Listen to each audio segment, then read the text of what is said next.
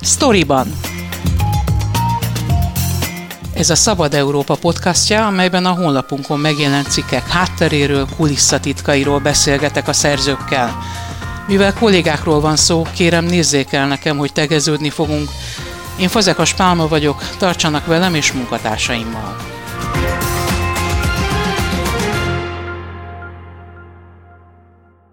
Személyes élményekből, emlékekből táplálkozott a Szabad Európa új podcast sorozatának készítője Kerényi György, amikor arra vállalkozott, hogy megszólaltassa a rendszerváltás körül évek underground zenei világának emblematikus alakjait.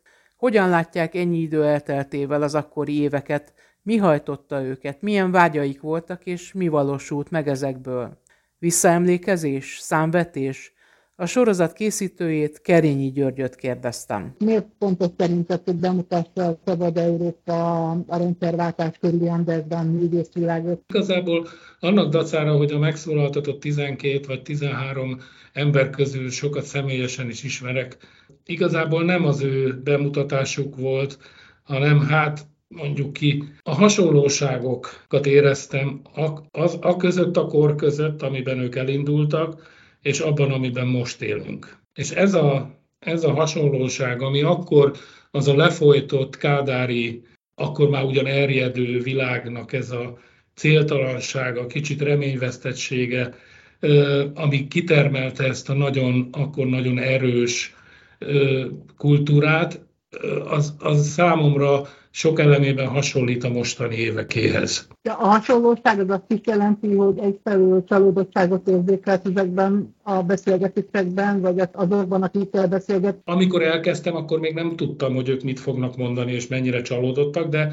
valamiért az az érzésem volt, hogy lesz hogy, hogy ők is érzékelik ezeket. Ezt ugyanakkor nem akartam nagyon erősen kiugratni belőlük, egyszerűen azonoknál fogva, hogy ezen emberek jelentős része így vagy úgy, de most is az államtól függ a munkája. Az egyik őjüknek a Nemzeti Színházban van egy kispénzes archiválási állása, a másik itt, a harmadik ott, és hát óvatosan kell bánni most az ilyen rendszerkritikus megnyilvánulásokkal, ezért ezt nem is provokáltam ki belőlük. Van, akiben erősebben, van, akiből erősebben, van, akiből finomabban kijön azért.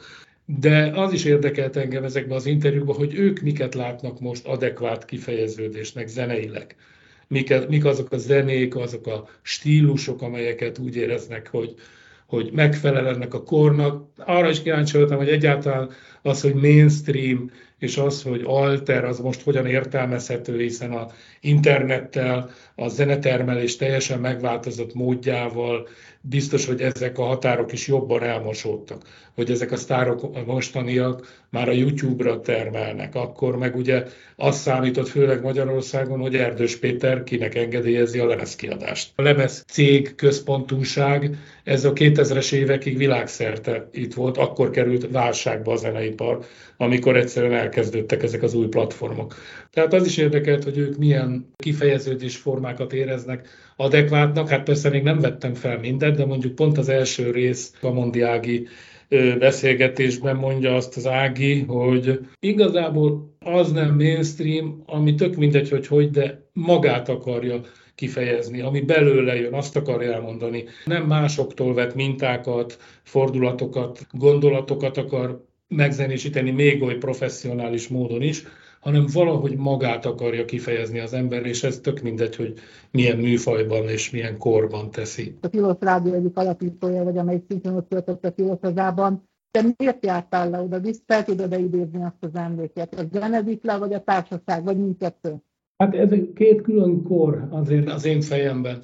Tehát a 80-as években, amikor én egyetemista voltam itt Pesten, egy ilyen léhűtő, bölcsész, füstös, alkoholos, nem is tudom, kocsmákban, még nem voltak romkocsmák, akkor a Kádár rendszerben éltünk, a, ezekre a zenékre jártunk. Ezek adták nekünk a szövegeikkel, a hangulataikkal, a Balatonnak, a Trabantnak, a URH-nak, a Kontrollnak, stb. vagy akár a bizottságnak, a, ennek az egész rendszernek az abszurditását, meg, meg, meg ennek a szocializmusnak az, a sivárságát, szürkeségét zseniálisan visszadták. Aztán volt 1990, 89, 90, 91 a rendszerváltás.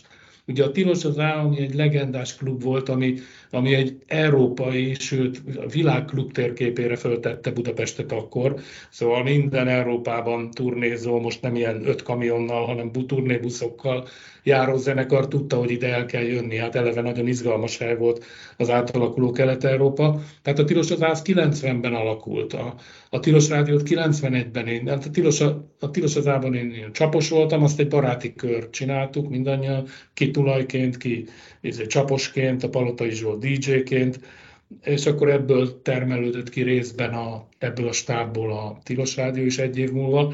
Az már egy más korszak, akkor egy hihetetlen robbanásos korszak volt, rengeteg kreatív és egyéb energia szabadult fel a mi generációnkból, nem ok nélkül mindannyian ezt tartjuk, meg hát az, az egy hihetetlen sok volt, hogy egyszer csak szabad lett az ország.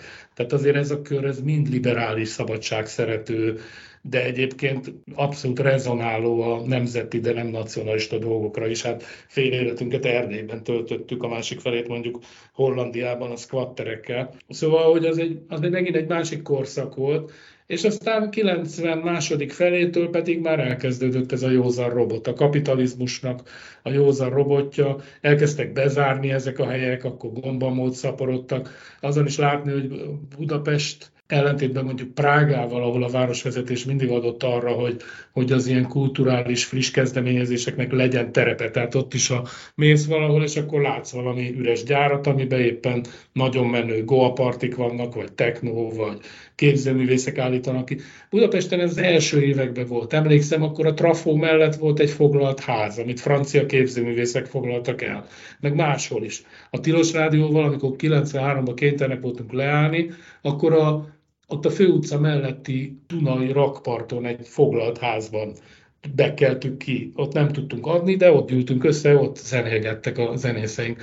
Szóval akkor fizikailag is volt egy ilyen hihetetlen benyomulás a terekbe, aztán Budapestet átvette a pénz. Egyébként függetlenül polgármestertől, meg rezsimektől, a kerületeknél ugyanez. Szóval az ingatlan befektetők érdekei határoztak meg mindent, és a kultúra és azok a kis helyek, amelyek szükségesek ahhoz, hogy ezek megjelenhessenek, azok nagyon visszaszorultak. Most a nyolcban megint van egy ilyen kisebb pesgés, egy pár éve, hogy fölbukkannak ilyen helyek, de hát akkor nagyon sok fele voltak. Szóval akkor ez úgy bezárult, ez a világ lezárult, mindenki elkezdte élni. Valaki a mainstreambe ment tovább, hát vannak olyan arcok, aki ebbe a kult, mondjuk a Tilla, a, ő is ott kezdett a Tilos az Ában, a tápszínházzal. Aztán lám, hát a, ha van mainstream kultúra, aminek ő az egyik emblematikus alakja, az, az pont ez.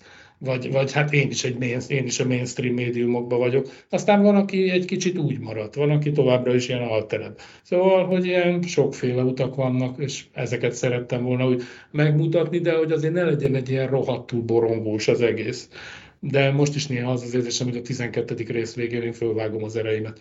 12 résznél jársz már ezek? Csak hatot vettem föl, de abból egy... tervezed? 12-re hát tervezem, 12 ember. Tehát Mennyhárt Jenő, Kis Tamás László, Kamondi Ágnes, Bárdos Deák Ágnes, Új Zsuzsi, voltam Szegeden a Güzűnél, a CPG-nek, ők két és fél évet ültek, 80-as években pánkok voltak, fölvettem már a Barcs, Barcs Mikit, a Flash együttest, Felugosi Lacát keresgélem, őt még nem értem el, Kenderesi Gabi, Hajnóci Csaba.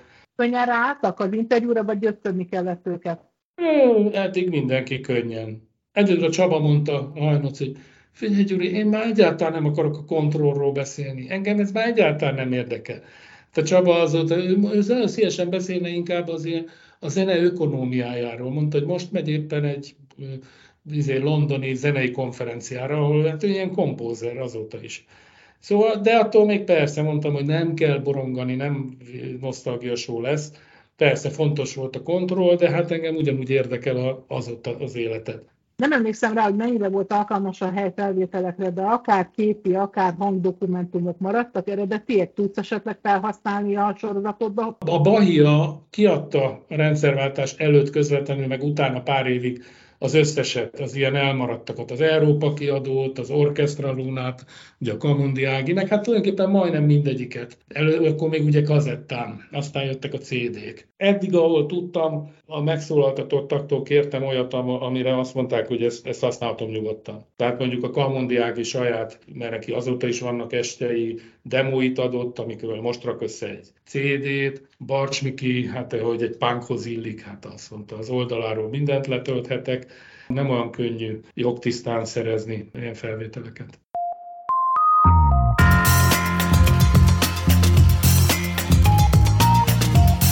Ez volt a Storyban, a Szabad Európa podcastja a honlapunkon megjelent cikkek hátteréről, kulisszatitkairól. Én Fazekas Pálma vagyok, köszönöm figyelmüket munkatársaim nevében is.